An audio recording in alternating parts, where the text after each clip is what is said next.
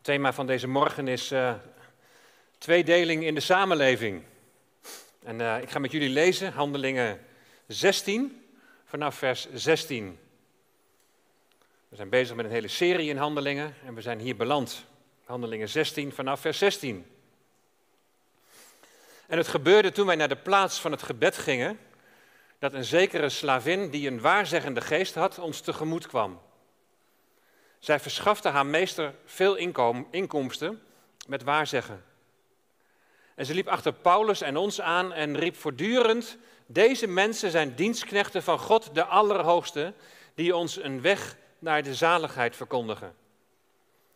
En dat deed zij vele dagen lang. Maar Paulus, die zich daaraan ergerde, keerde zich om en zei tegen de geest: Ik gebied u in de naam van Jezus Christus uit haar weg te gaan. En hij ging op hetzelfde moment uit haar weg. Toen haar meesters zagen dat hun hoop op inkomsten verdwenen was, grepen zij Paulus en Silas en sleurden hen mee naar de markt voor de stadsbestuurders. En nadat zij hen naar de magistraten gebracht hadden, zeiden zij: Deze mensen verstoren de orde in onze stad. Het zijn namelijk Joden. En zij verkondigen gewoonten die wij niet mogen aannemen en ook niet mogen naleven, omdat wij Romeinen zijn. En de menigte kwam als één man tegen hen in verzet. En de magistraten die rukten hun de kleren af en gaven bevel hen met stokken te slaan. En nadat zij hun veel slagen toegediend hadden, wierpen zij hen in de gevangenis en geboden de cipier hen zorgvuldig te bewaken. En toen hij dat bevel gekregen had, wierp hij hen in de binnenste kerker en zette hun voeten vast in het blok.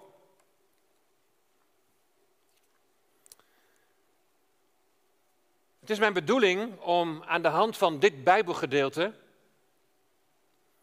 een lijn te trekken naar de actualiteit van vandaag. En voordat ik op dit Bijbelgedeelte in zal gaan, ga ik eerst met jullie kijken naar die actualiteit van vandaag. Een actualiteit die impact heeft en die heel veel impact nog zal hebben op ons leven als gelovigen in een geseculariseerde samenleving. Dat is een moeilijk woord. Secularisering, dat betekent verwereldlijking, ontkerkelijking, de afname van de invloed van religie. En de gevolgen daarvan, die zullen we steeds meer in toenemende mate gaan ondervinden. Een paar weken geleden, toen heb ik met jullie gesproken over het thema vrijheid en gelijkheid. Vrijheid en gelijkheid. Op het eerste oog klinkt dat geweldig. Ik heb jullie toen verteld dat dit stamt vanuit de Franse Revolutie. Vanuit de tijd van de verlichting. En de lijn van denken is dat God niet bestaat en dat het alleen maar gaat om het waarneembare. Het gaat alleen maar puur om het lichamelijke leven aan deze kant van de dood. Het gaat om het hier en nu. Precies zoals heel veel mensen nu leven. Je moet er nu iets van maken. Je moet nu genieten. Grijp je kans voordat het te laat is. Er is op zich wel interesse voor spiritualiteit, voor het bovennatuurlijke, maar dan vanuit een in onze ogen een verkeerde bron. Kwaad, dat heb ik toen ook in die preek verteld over vrijheid en gelijkheid. Kwaad is niet meer iets dat verkeerd is of wat in strijd is met Gods wil, maar kwaad is jouw eigen begeerte niet kunnen bevredigen. Vrijheid en gelijkheid, opdat jouw behoeften als mens bevredigd zullen worden. Zonder je daarbij af te vragen wat Gods wil is. De mens gaat leven naar zijn eigen normen en waarden. Vrijheid wordt gezien als het zelf kunnen bepalen van die normen en waarden. Als iedereen dit voor zichzelf doet, los van God en de Bijbel, dan krijg je uiteraard te maken met tegengestelde meningen. Maar dat is juist vrijheid, zeggen mensen dan. Toch kunnen we daar blijkbaar maar heel moeilijk mee omgaan. Natuurlijk zijn er normen en waarden in de wetgeving vastgelegd en dat geeft nog enigszins houvast. Maar je ziet wel dat in een rap tempo heel snel over veel dingen gewijzigde opvattingen komen, die radicaal tegenover christelijke principes staan. We weten dat we, dat we een minderheid zijn als gelovigen. Maar we zullen dat ook steeds meer en in toenemende mate gaan voelen. Ik ben ervan overtuigd. Tenminste, als je een gehoorzame navolger van de Heer Jezus Christus wil zijn. Iedereen is het, is het er denk ik wel over eens dat er in toenemende mate sprake is van polarisatie in de samenleving. Ook weer zo'n moeilijk woord, maar polarisatie betekent wij en zij denken. Het is een proces waarbij de tegenstellingen tussen groepen in de samenleving steeds sterker wordt. Groepen die steeds meer tegenover elkaar komen te staan. Nou, ik was op een site even aan het lezen over eh, polarisatie, over dat wij en zij denken. En daar stond het volgende. Polarisatie, dat kan productief zijn, dat wij en zij denken, om een verandering in de samenleving op gang te brengen. Polarisatie kan namelijk botsende standpunten helder maken. Op zich prima, niks mis mee. Soms dan is er verandering nodig en dan is het belangrijk om van beide partijen de argumenten boven tafel te krijgen. Dat je helder krijgt waarom de een verandering wil en waarom de ander dat niet wil. Met de bedoeling om elkaar te begrijpen, met de bedoeling om nader tot elkaar te komen. En dan kan het nog zijn dat je het misschien niet 100% met een beslissing eens bent, maar dan heb je wel naar elkaar geluisterd. Dan voel je je wel gehoord. Vervolgens staat er op diezelfde site over polarisatie, maar als een polarisatieproces te lang doorgaat, als tegenstellingen te veel op de spits gedreven worden, dan raakt de samenleving verdeeld. Wat ik nu in toenemende mate zie, is dat vrijheid wordt gesuggereerd, je bent vrij. Maar als je als minderheid, wat wij als christenen zijn, een afwijkende mening hebt, dan krijg je in het gunstigste geval krijg je wat steken onder water en laten ze je goed merken dat je aan de verkeerde kant staat. En in het meest ongunstige geval krijg je te maken met vervolging. Dominees, voorgangers, die moeten nu al oppassen wat ze zeggen. Want je hebt zomaar een proces aan je broek. Het wij-zij wordt op allerlei fronten wordt het steeds meer op de spits gedreven. En mijn thema, tweedeling in de samenleving, is natuurlijk ook wel een beetje prikkelend bedoeld. Als je het nu over tweedeling hebt, dan zal bijna iedereen op dit moment denken aan gevaccineerden en niet-gevaccineerden. Hier zie je een voorbeeld, heel sterk, dat polarisatie, het wij en zij denken, dat het op de spits gedreven wordt. En van beide kanten zijn er extremen. Er zijn mensen in de groep van de meerderheid die vinden dat de minderheid hun vrijheid belemmert, hen in gevaar brengt. En dat wordt er goed ingevreven. En er zijn mensen in de groep van de minderheid die zich in het nauw gedreven voelen en heel extreem daarop gaan reageren, buiten alle proporties. Een tweedeling in de samenleving. Nou, in het Bijbelgedeelte wat we hebben gelezen, daar zie ik ook een tweedeling. Het is echter niet een tweedeling in een bepaald moment van de geschiedenis. Maar die is er al, die tweedeling, die is er al vanaf het begin. En die duurt al tot op de dag van vandaag en die zal ook nog een tijdje duren. Het is een tweedeling in God en Satan. Licht en duisternis. Goed en kwaad. Waarheid en leugen. Leven en dood. Dood. Aan alle discussies over corona, vaccinaties en dergelijke, ligt ten diepste, ten diepste ligt daar de angst voor de dood ten grondslag. Je kunt inderdaad besmet worden, je kunt ernstig ziek worden, Je kunt zelfs sterven. Dat is de realiteit. En het is vanzelfsprekend dat je ziekte probeert te voorkomen. Dat je probeert sterven te voorkomen. En de een die vertrouwt daarin op het vaccin. En de ander die heeft nog zijn of haar vraagtekens. Weer een ander die ziet het helemaal niet zitten. Maar ten diepste ligt daar die vraag aan ten grondslag. Hoe blijf je in leven? Waar vertrouw je op? Als wij als gelovigen elkaar daar geen ruimte in gunnen, als we daar liefdeloos en veroordelend naar de ander mee om zouden gaan, dan is er maar één die lacht. Weet je, onze strijd, hè, die gaat vele malen dieper, die is veel diepgaander dan het wel of niet eens zijn met het besluit van een kabinet dat iets wel of niet mag. Wij hebben een veel diepgaander strijd te voeren dan wat nu een tweedeling in de samenleving veroorzaakt. In Efeze 6, vers 2, daar staat dat onze strijd niet tegen vlees en bloed is. Want wij hebben de strijd niet tegen vlees en bloed, maar tegen de overheden, tegen de machten, tegen de wereldbeheersers van de duisternis van dit tijdperk. Tegen de geestelijke machten van het kwaad in de hemelse gewesten. Die overheden zijn niet de overheden zoals wij die nu kennen, maar dat zijn die overheden in de hemelse gewesten, die boze machten. Ten diepste is er een strijd gaande om de zielen van mensen. In dit leven wordt bepaald waar jij de eeuwigheid doorbrengt. Er woedt een geestelijke strijd.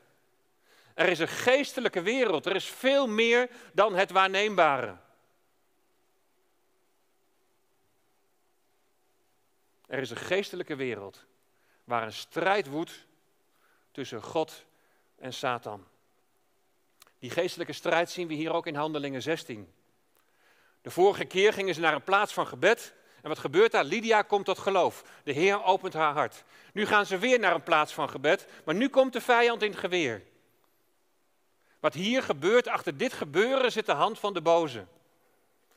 De hand van de duivel en zijn trawanten. Die er alles aan doen om mensen bij Jezus vandaan te houden. En het is eigenlijk heel apart wat hier gebeurt. Met deze slavin, waar we over hebben gelezen, zit je echt aan de kant van de duisternis. Ze heeft een waarzeggende geest. Letterlijk staat er, ze heeft de geest van Python. In de Griekse mythologie was Python de naam van een slangachtige draak die huisde in de grotten van Delphi. Dit meisje was een spreekbuis, was een medium van het occulte, omdat zij over waarzeggende vermogens beschikt. Haar meesters waren alleen maar uit op financieel voordeel. Ze maakte misbruik van de occulte gaven van dit meisje. Maar wat ik zo wonderlijk vind is, zij spreekt de waarheid. Ze roept deze mensen, Paulus, Silas en Timotheus, zijn dienstknechten van God de Allerhoogste, die ons de weg naar de zaligheid verkondigen. Ik dacht eerst nog even bij de vertaling, ah, ze zit er een beetje, ze zit er wel mis, ze zit wel mis, want er staat een weg naar de zaligheid. Maar als je in het Grieks gaat kijken, gaat het wel degelijk over de weg naar de zaligheid. Dienstknechten van God die de weg wijzen hoe je gered kunt worden. Het is helemaal juist wat ze zegt. Ze roept dat vele dagen lang. Maar welke conclusie kunnen wij daar nu uit trekken? Wij weten vanuit de evangeliën dat een boze geest feilloos weet te vertellen wie Jezus is. Toen de bezetenen uit het land van de Gadarenen de Heer Jezus uit de verte zag, toen snelde hij naar hem toe, aanbad hem en noemt hem dan Jezus, Zoon van God, de Allerhoogste. Bij de zonen van Skeva, daar antwoordt de boze geest in Handelingen 19, vers 15. Jezus ken ik en van Paulus weet ik, maar wie bent u? Hier in Handelingen 16 zien we dat de boze geest dus ook van de weg naar de zaligheid weet, de weg van de redding. Welke conclusie kunnen we trekken?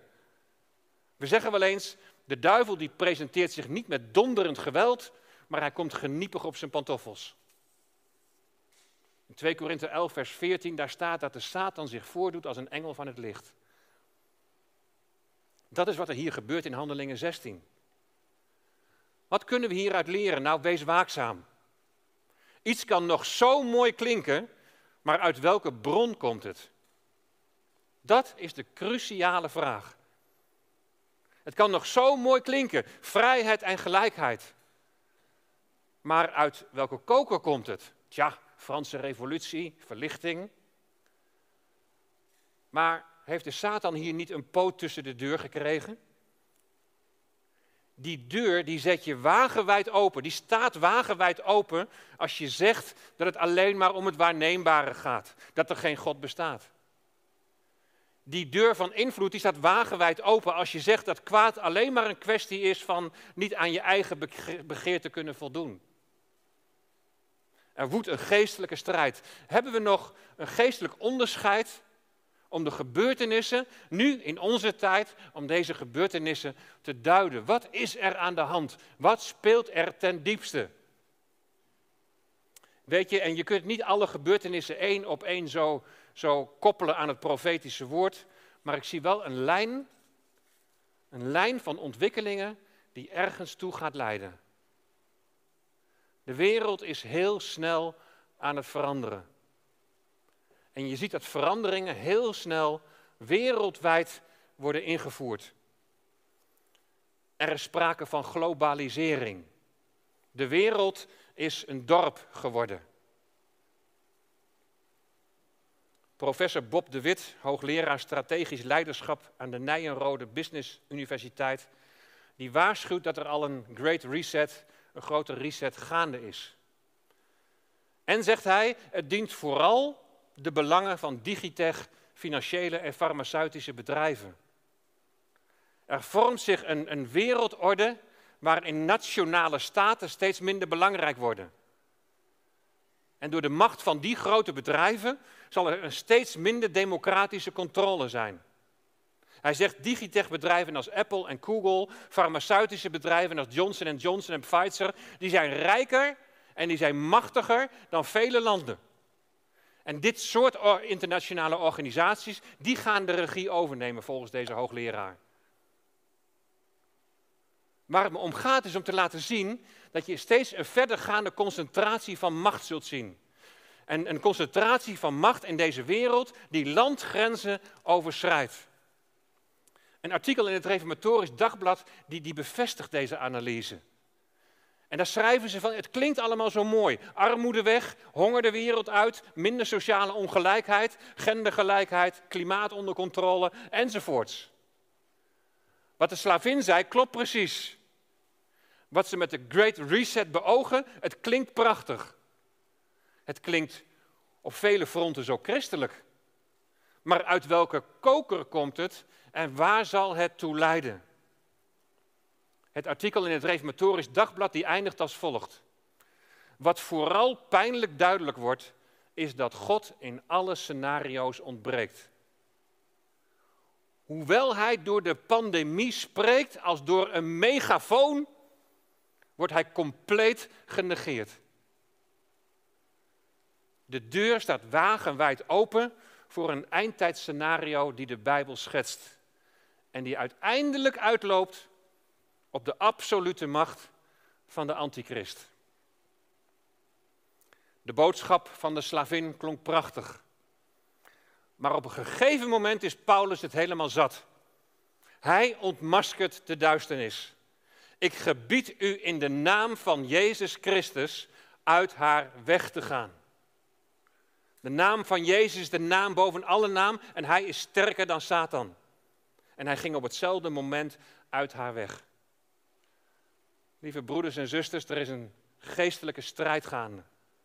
Wat mooi klinkt is niet altijd uit God. Wees waakzaam. En dan ter bemoediging, we zien hier in vers 18 wie aan het langste eind trekt. De slavin kan lang haar gang gaan. De machthebbers van deze wereld onder regie van Satan, ik zeg niet altijd bewust, ze kunnen heel lang kunnen ze hun gang gaan. Totdat de Heere God zegt, tot hier en niet verder. Hij zal aan het langste eind trekken. Hij heeft het laatste woord en hij zal komen om te regeren. Maar lieve mensen, daar zal een moeilijke tijd aan vooraf gaan. Weet je, Er is geen sprake van verdrukking als je als niet-gevaccineerde niet zonder test naar een restaurant kunt. Dan kom je maar een keertje bij ons eten, zoals Karin daar kan geen restaurant tegenop. Het heeft niks te maken met het teken van het beest en dat je niet kunt kopen en verkopen. Wat je wel ziet, is hoe snel ze iets kunnen invoeren dat we tot voor kort voor onmogelijk hadden gehouden. En waarvan minister De Jonge tot voor kort ook nog had gezegd: dit gaat absoluut niet gebeuren. Ik heb het al eens eerder gezegd, je zou de tijd kunnen duiden als een generale repetitie. Toenemende polarisatie, wij en zij denken, globalisering, concentratie van macht over de landsgrenzen heen. Dat zal betekenen dat navolging van Christus, het willen doen van Gods wil, dat dat steeds meer onder druk komt te staan. Paulus en Silas werden meegesleurd naar de markt voor de stadsbestuurders. Ze werden ontkleed, met stokken geslagen en in de gevangenis geworpen. Waarom? Het werkelijke motief is een financieel motief. Dat meisje, dat leverde hen geld op. Hoeveel maatregelen, besluiten worden niet genomen op grond van financiële motieven, terwijl er hele andere motieven worden genoemd. Deze wereld wordt geregeerd door mammon, door, door, de, door geldzucht. Maar goed, daar hoeven ze de Romeinen niet mee aan te komen. Maar ze hebben wat anders bedacht. Succes verzekerd. Hier zien we een staaltje van polarisatie van wij en zij denken die op de spits gedreven wordt. Het wij en zij wordt hier even heel sterk benadrukt. Want wat zeggen ze namelijk in vers 20? Deze mensen verstoren de orde in onze stad. Het zijn namelijk Joden. En zij verkondigen gewoonten die wij niet mogen aannemen en ook niet mogen naleven, omdat wij, omdat wij Romeinen zijn. De christenen werden nog gezien als een stroming binnen het Jodendom. Het Jodendom, dat werd in het Romeinse Rijk als, als, als godsdienst getolereerd. Maar het was ten strengste verboden activiteiten te ondernemen die indruisen tegen de Romeinse cultus. Het aanbidden van de keizer als God. Van de Joodse gelovigen zeiden zij, zij hebben gewoonten die wij niet mogen aannemen en naleven. Voor gewoonten zie je daar het woordje ethos, ethiek. Zij hebben een ethiek, die mogen wij niet aannemen en die mogen wij niet naleven. Dit wordt als grote probleem neergezet. Dus je wordt wel getolereerd, je mag bestaan, maar verder heb je je aan te passen aan de regels van de meerderheid, in dit geval de Romeinen. En als Godse regels daarmee in strijd zijn, dan heb je een probleem. Dan word je geacht je aan te passen aan wat gangbaar is in de samenleving. Je zou op grond van vrijheid en gelijkheid verwachten dat je als christen vrijheid hebt om je mening te uiten en nog ergens wat van te vinden.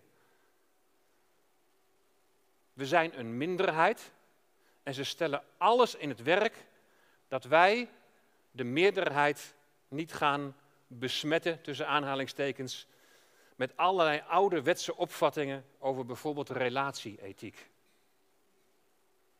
Vooral in dit opzicht zie je dat de polarisatie steeds verder op de spits wordt gedreven. Het wij en zij. Jij moet denken zoals wij. Een geestelijke strijd.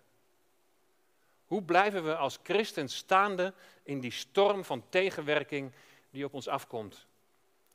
De Satan gaat rond als een brullende leeuw, zoekende wie hij kan verslinden, want hij weet dat zijn tijd kort is.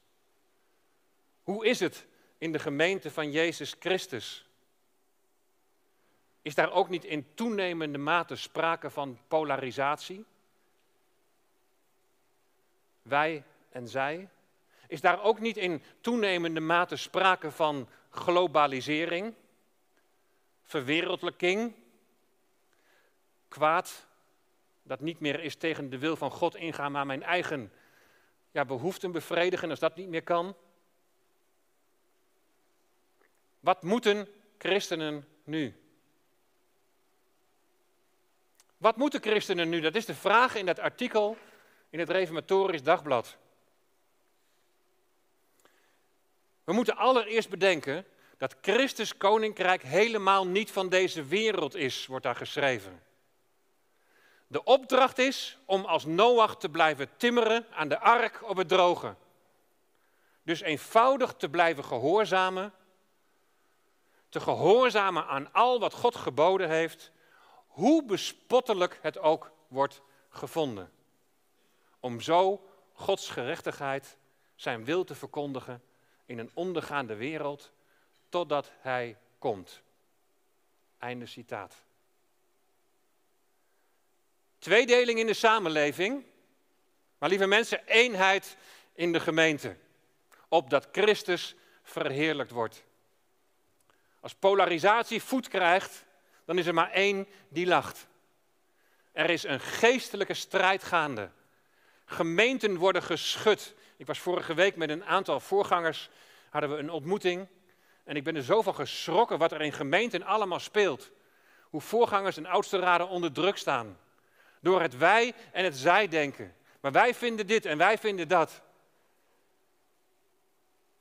Er woedt een geestelijke strijd. En de gemeente van Jezus Christus schudt op haar grondvesten. En ik heb altijd al gezegd van, als het allemaal fijn is met elkaar en als het goed gaat, niks aan de hand.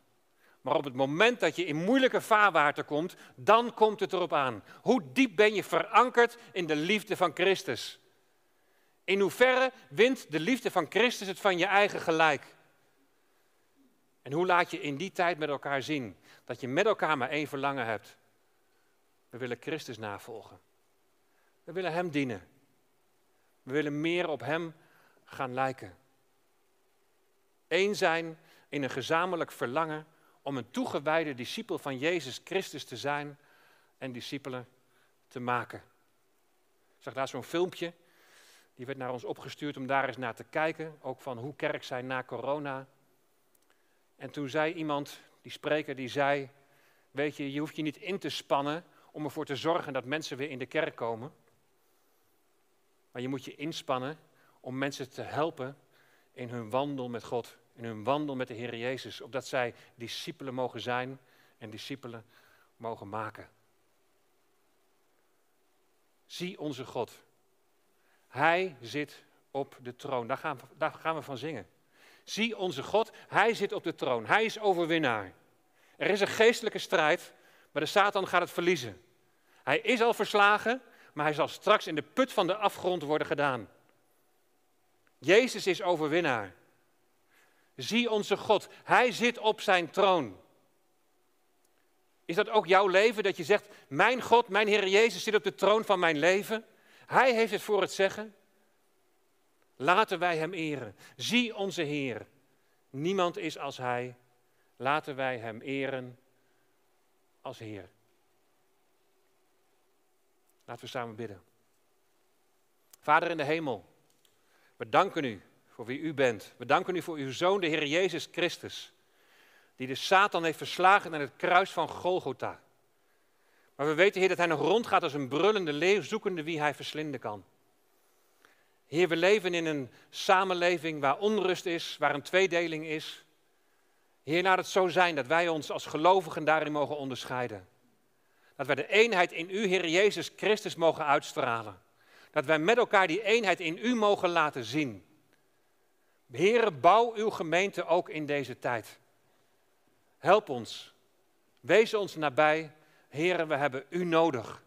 Leid ons door uw Heilige Geest. Maak ons vol van uw Heilige Geest. Heer, wees met ons. Heer, we dragen zo elkaar aan U op. Heer, dat we met elkaar die verbondenheid mogen ervaren in U. Heer, U laat niet los wat U bent begonnen. Heer, en we zien, ook al zal het een moeilijke tijd worden, we zien met vertrouwen op U. U gaat met ons mee, U gaat voor ons uit. U zult wijsheid geven. U zult woorden geven. U zult de kracht geven om staande te blijven. Heer, we willen een navolger van U zijn, Heer Jezus. Heer, we willen U dienen. Zie onze God. Heer Jezus, U op de troon. U op de troon naast uw Vader in de hemel aan de rechterhand.